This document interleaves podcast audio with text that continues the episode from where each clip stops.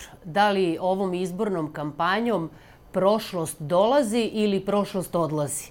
I ovo je jedno od pitanja za moju gošću, istoričarku Dubravku Stojanović, čija je knjiga Prošlost dolazi nedavno objavljena. Profesorka, dobro jutro. Dobro jutro. Hvala što ste ovde. Poigrala sam se malo sa naslovom vaše knjige u kojoj ste analizirali zapravo učbenike, ako se ne varamo, od Balkanskih ratova do danas. Tako je. Reći ćemo par reči o toj knjizi, ali ajde da krenemo od ovog, od, od sadašnjosti, iako mi živimo u istoriji non stop. Da li, da li, evo ovo pitanje, da li ovim izborima zapravo vidite da prošlost i dalje dolazi ili ona konačno prolazi? Pa, zavisi kako to razumemo.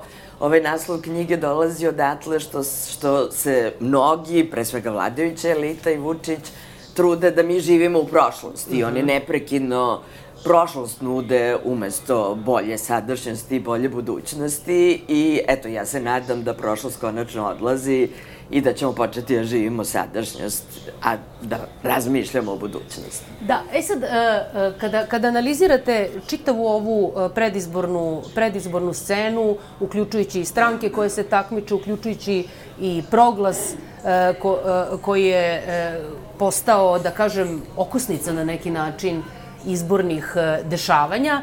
Šta biste rekli u poređenju sa prethodnim izborima? Dakle, da li u ovim izborima vidite nešto što čini izbornu kampanju i same izbore, pa možda eventualni rezultat drugačiji?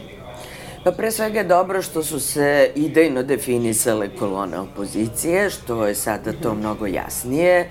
Ja bih lično volela da to i na idejnom planu bude još e, bolje i jasnije podeljeno i definisano. A šta, šta vam je, šta na idejnom planu da bude Pa na idejnom planu da, recimo, se postave pitanja raznih društvenih grupa, raznih ekonomskih problema, na primer žena, na primer crkve, na primer onoga što, što, što su goruća po meni pitanja naše političke i društvene stvarnosti. Čini mi se da to nije dovoljno prisutno, da je i dalje najprisutniji sam Aleksandar Vučić i odnos... A da li je to upravo zbog toga? Zato što je to ključni, e, da kažem, da su se sublimirali svi problemi u jedan, da, da je to ta situacija. Pa, on jeste sublimirao sve probleme u samog sebe, to je tačno. Ali upravo bih volela da opozicija govori manje o njemu, a da govori više onome što interesuje građane. Jer on je taj koji se nameće da se govori o njemu i mislim da bi bilo mnogo bolje ignorisati njega i govoriti o onome što je, su zaista problemi građana, što nije samo Aleksandar Vučić. Da, i sad, e, i Vučić i Miloš Vučević, koji je lider Srpske napredne stranke, e, on kaže kako u ovom veku nije bilo sudbonosnijih izbora od ovih 17. decembra. Da li, i sad vas kao istoričarku pitam, osjećate da će ovaj datum imati neko posebno mesto u istoriji?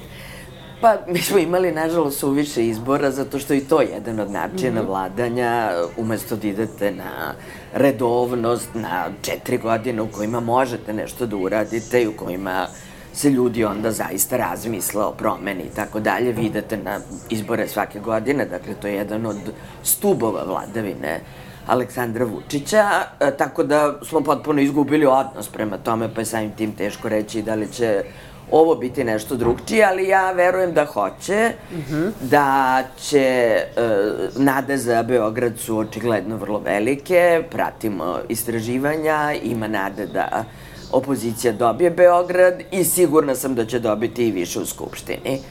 E, tako da su sve to neki koraci ka kraju ove vlasti. A šta, šta čini, da kažem tako, koje karakteristike treba neki događaj da ima da bi mogao da bude jednog dana važan u istoriji? Naprimer, 5. oktobar smo mislili da je važan dan u istoriji, verovatno i danas mnogi to misle, ali iz ove perspektive on ne deluje i, i s obzirom na ono što nam se desilo, ne deluje tako bitno. Šta je potrebno da, na primer, događaj bude? Da ima premisu da postane istorijski? Pa, važan je naravno i sam taj događaj. Važni su bili izbori 24. septembra te 2000. godine, pa onda 5. oktobra, ovaj, zaboravljamo te izbore, o njima vrlo mm -hmm. redko govorimo, A oni su možda bili i važniji, zato što je to bio, kako je tada govorio Vladimir Goati, jedan izborni zemljotres. Tada su stizali te neverovatne brojke koje su govorile o pobedi opozicije, stvarno kao jedan tsunami mm -hmm. e, izborni.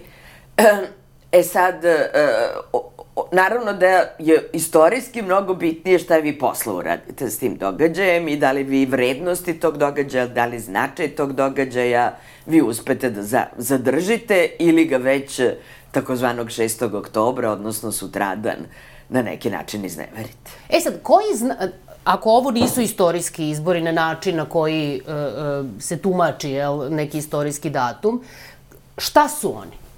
Šta su oni za vas? Pa ja ih za sad razumem kao korak ka kraju, mm -hmm. uh, početak kraja ili kraj početka, kako je to govorio uh, Churchill, ne, želela bi da bude početak kraja Aleksandra Vučića, da je to ono što smo na neki način gledali 90-ih sa oslobađanjem opština, sa oslobađanjem nekih gradova. To je 96. pa do 2000. Trajalo je. Trajalo je, trajalo je, ali to su takve vlasti, to, toga moramo da budemo svesni, dakle to su vlasti koje su usisale u sebe i državu, i društvo, i institucije, i pojedince, i profesije, koje su prosto jednu spaljenu zemlju ostavile i to nije lako. Da li vam se e, novi moment u ovim izborima je e, tehnička vlada, to je sad od, e, počelo da biva kao, ubačeno je, kako bih rekla, u kampanju na različitim stranama. Da li vam se to čini kao dobar plan? Tehnička vlada, Srbije protiv nasilja, eventualno desnice, godinu dana, da se srede okolnosti pa novi izbori. Da li vam je to dobar plan? Pa, to zavisi i od rezultata izbora. Mislim, ako se desi izborni tsunami, zašto bi bila potrebna tehnička vlada? Može da se pravi odmah vlada mm -hmm. koja će krene da radi ozbiljno sa zemljom. Jer či imate tehničku vladu, to isto vlada tranzicije, to je znači još godinu dana na neki način izgubljeno. Ja potpuno razumem šta su njeni ciljevi zato ima mnogo opravdanja, pre svega za nove slobodne izbore, to je potpuno jasno, ali mi nemamo vremena Tako da s te strane je potrebno početi što pre. A za šta nemamo vremena? Ni za šta. Ni za šta naše vreme je Znate, odavno prošlo. Znate, kad kad to kaže, onda deluje dosta cinično, da tako kažem. Za šta suštinski mislite da nemamo, imamo najmanje vremena? Pa sad ne, ne, zaista ne znam gde bi trebalo početi, ali mislim da bi trebalo početi sa evropskim integracijama, da je to uh, nešto što bi bilo prvo na agendi i da onda odatle treba gledati po svim ovim oblastima koje imamo. Evo samo da gledamo gde su danas e, štrajkovi, Pa to bi već mhm. bilo pune ruke posla. Krenimo od poljoprivrede, krenimo od uh, javnih institucija, mislim, I sad, kad znam, sve. Znam da pratite kampanju i šta ko kaže i da pratite posebno i šta kaže vlast i tako dalje. I u septembru ste rekli, pre i, raz, nego što su raspisani izbori, u jednom razgovoru e, kako je, poredeći Vučića i Miloševića, kako je Milošević e, bio spremniji da popusti od Vučića i da to zajedno sa Vučićevom percepcijom samog sebe kao grandiozne istorijske figure čini ovu situaciju opasnom. U kom smislu? Pa, e, o tome sam govorila pre svega misleći na čitav niz nekih e, podataka koji pokazuju da je Milošević u nizu situacija, pre svega ratnih situacija, od situacije u Hrvatskoj, Dejtona, pa kasnije prihvatanja izbora 90, rezultata mm -hmm. izbora 96 i tako dalje, pokazao da je pod pritiskom, dakle ne iz čiste mira, ali pod jakim pritiskom, spreman da prihvati i da prihvati promenu. Vučić do sada to nije baš pokazivao. Imali smo pre svega te situacije, ne znam, gde on skloni Gašića pod velikim pritiskom, ali onda ga vrati na važnije mesto. Dakle, on svojim postupcima pokazuje da se on neće povući, da neće prihvatiti, a drugo imam utisak ovako amaterski da je to i njegov sklop ličnosti i da on uh, uh, iz te samopercepcije za koju stručnjaci kažu da je narcisoidna, uh, nema, nema taj prostor gde bi on mogao da prihvati realnost. Ma da on kaže, i sinoć je rekao, po, raspisaću predsedničke izbore ako opozicija uh, dobije parlamentarne i priznaće rezultate izbora. I sad je sad pitanje, naravno, da li verovati ili ne verovati, imajući u vidu strahovanja koje dolaze iz, drugu, dolaze iz drugog tabora da se neće priznati izborni rezultat i da opozicija treba da bude spremna da ga brani. E sad, šta vi kažete?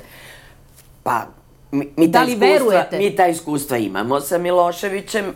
Verujem da je Vučić e, manje sklon prihvatanju rezultata mm -hmm. izbora, da to tako kažem, i da opozicija sigurno mora da bude spremna, pre svega od kontrole samih izbora, mislim da je to najvažnije, pa onda i na eventualne mahinacije, ali i ovo što ste rekli, to je što je rekao Vučić, da će on raspisati predsedničke izbore, vi već iz toga vidite koliko on nije spreman. Zašto bi on raspisao predsedničke izbore? On je dobio predsedničke izbore i u normalnoj zemlji mm -hmm imali biste kohabitaciju do kraja mandata. On pokazuje da on ne može s drugima da vlada. Već iz te rečenice, makoliko se mi eventualno radovali tome da se on povuče i da on e, e, raspisuje nove izbore i tako dalje, ali evo, to je znak da on ne može da živi u normalnim političkim uslovima. Kohabitacija je jedan od normalnih uslova u demokratskoj zemlji. Što suštinski znači da se mi pripremamo za šta? Za konačni obračun. Pa on se priprema za konačni obračun. Ja se nadam da se mi pripremamo za dobar izborni rezultat, ali mm -hmm. očigledno je njegova panika tolika da, eh, evo, govori u svim pravcima, nudi ostavke, nudi nove izbore. I ima, ima još jedna zanimljiva situacija na ovim izborima, a to je profesor Bešić sa Fakulteta političkih nauka primetio. Da vlast kandiduje vođu, koji se čak ni ne takmiči na izborima oficijalno, ali vodi tu kampanju, dakle vođu Vučića, a da opozicija prv, možda po prvi put, posle dugo vremena, kandiduje ideju. E, kad kažem opozicija, mislim na glavni izazivače na listu protiv nasilja. Kako se vama to, kako vama to izgleda? Pa mislim da je to... Da li je to dobro ili nije dobro? Pa mislim da je to dobro, da je to mudro sa strane opozicije, ali s druge strane to nam govori o bolesti ove politike. Dakle, vi ste toliko uspeli da ogadite politiku koja je u krajnjoj liniji svuda oko nas i neophodna. Svako pitanje je političko pitanje.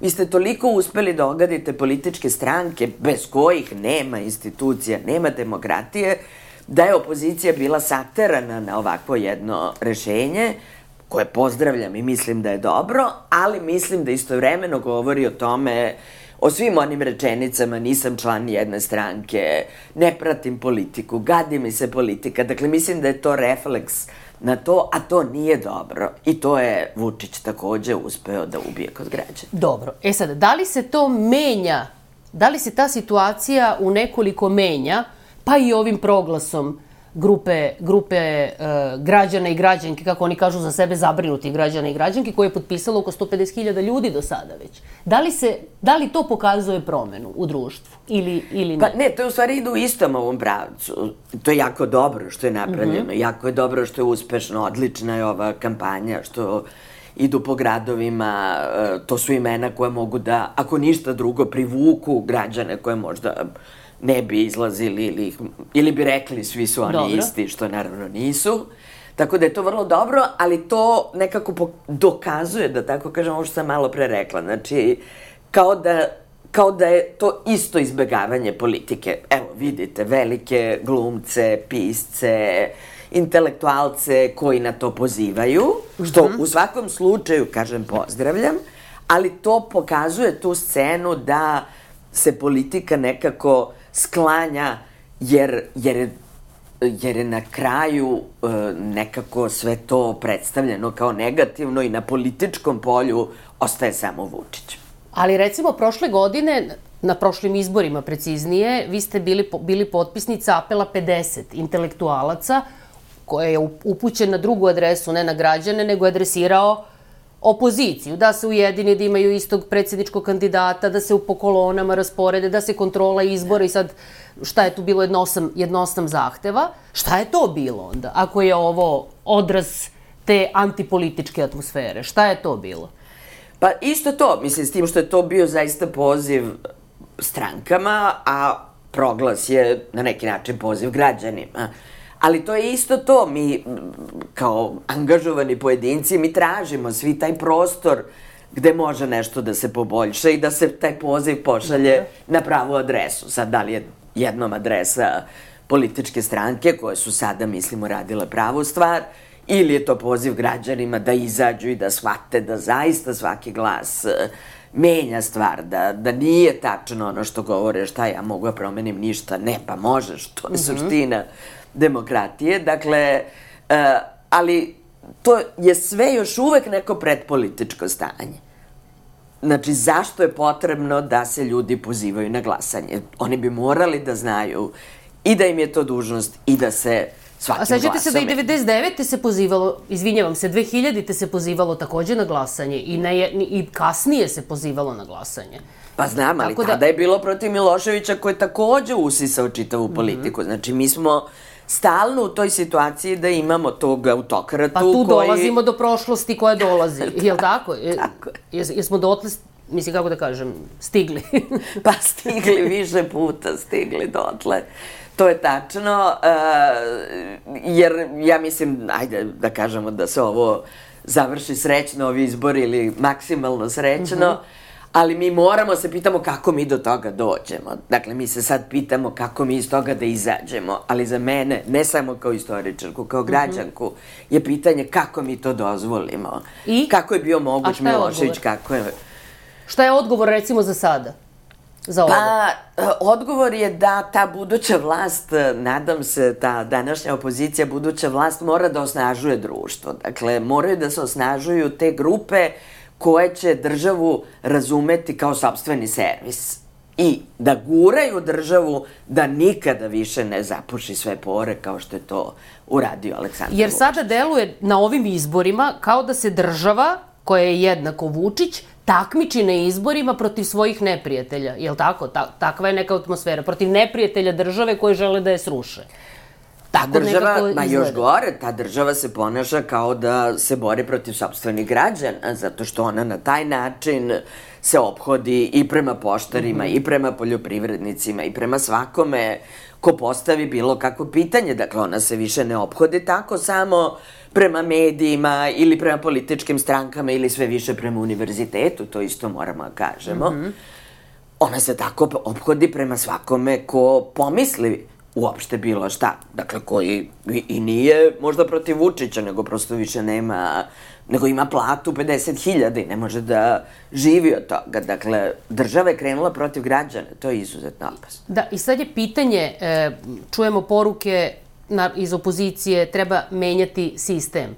To nije prvi put da se na izborima takva poruka čuje. Od 2000. do danas čulo se dosta puta. E sad, da li u toj promen, u toj, kako da kažem, u toj poruci vi vidite sadržinu koja nije bila e, prisutna ranije. Dakle, da li vidite sadržinu iz koje može da nastane nešto pozitivno? Dakle, da se zaista nešto dogodi? Pa tu naravno mora se napraviti takozvana mapa. Ili je to mapa. samo predizborna poruka to, popularno, menjamo sistem pa ćemo sve po, ist, po pa, starom? Ono do čega mi politički nismo stigli za sve ove decenije više stranačija, da podsjetim, to je sad više od 30 godina. Mi nismo stigli do toga da e, vlast shvati da je vladavina prava u njenom interesu.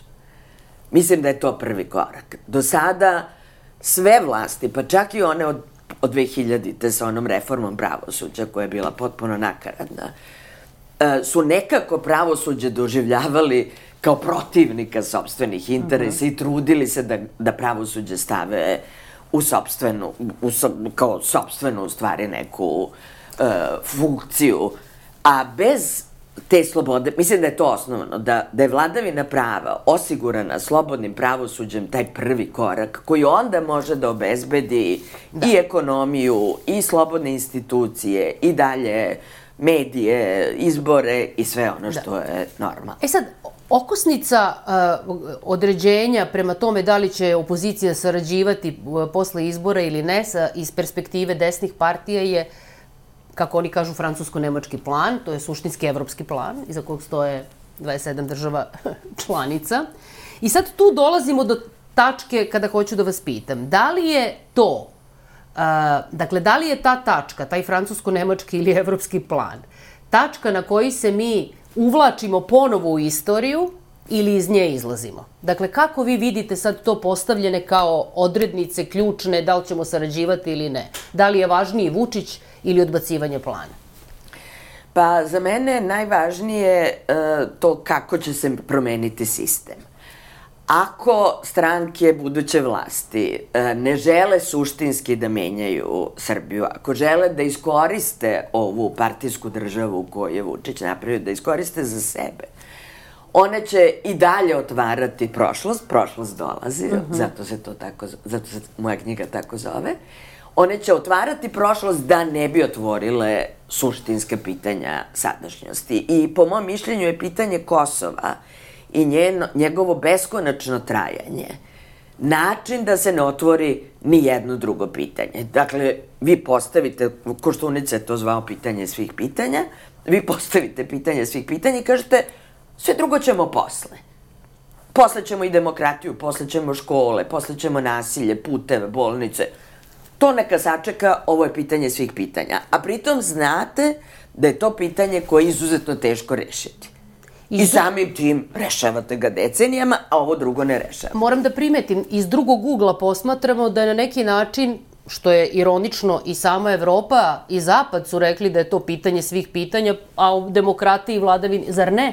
Da, Tako je. Da, mislim, iz drugih razloga, jel, i drugih interesa, ali je to ostalo kao pitanje na koje nije odgovoreno.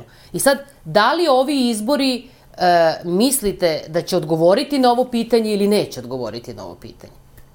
Pa ono što... U kontekstu francusko-nemačkog, odnosno evropskog plana. Ono što smo čuli, to je da desne partije odbijaju taj plan, ali ja prat, sve prateći ozbiljno ovu kampanju nisam jasno čula šta drugi učesnici mm -hmm. i šta mhm. druge opozicione partije o tome misle. A da li je Tako, važno da čujemo šta misle? Pa mislim da je izuzetno važno i da bi morali da imaju hrabrosti da kažu šta misle je pre svega šta misle o pitanju Kosova, kako misle da reše pitanje Kosova. Ja ne mislim da je to jedino pitanje ove zemlje, ima jako mnogo problema u ovoj zemlji, ali to jeste važno pitanje za koje, kao što ste rekli, je Evropska unija postavila kao crvenu liniju. Dakle, da li ćemo ići dalje ili nećemo ići dalje. Znači, o tom pitanju mora da postoji mišljenje. A predsednik Vučić s druge strane za kog čujemo da je prihvatio francusko-nemački plan, ne od njega lično, nego od predstavnika Evropske unije, u poslednjem obraćanju uh, Srpskoj, u Srpskoj akademiji nauka, kažem, govor je držao, on ka, mi čekamo. Ključna poruka je da čekamo. Da se dese izbori, ne znam, od Tajvana do, do Amerike i mi čekamo. I sad, kako kao istoričarka razumete tu poruku? Šta čekamo zapravo? Šta mi čekamo? Pa, nažalost, to je poruka takozvanog zamrznutog konflikta koja se ponavlja još od 95. godine, još od Daytona, od uh, Oluje, pa preko 99. Pa evo, koliko je to već? Četvrt vek i više, skoro 30 godina. Čekamo. Dakle, time se poručuje, mi nismo zadovoljni načinom na koji su se završili ratovi u Hrvatskoj, u Bosni i Hercegovini, na Kosovu, mi čekamo, što je Vučić otvoreno rekao, da se promeni globalna situacija, možda da Rusija pobedi u Ukrajini, možda da Kina krene na Tajvan. Mi kre, čekamo taj veliki svetski rasplet da taj trenutak iskoristimo za sebe. Verovatno novim ratom, jer ne vidim na koji mm -hmm. drugi način.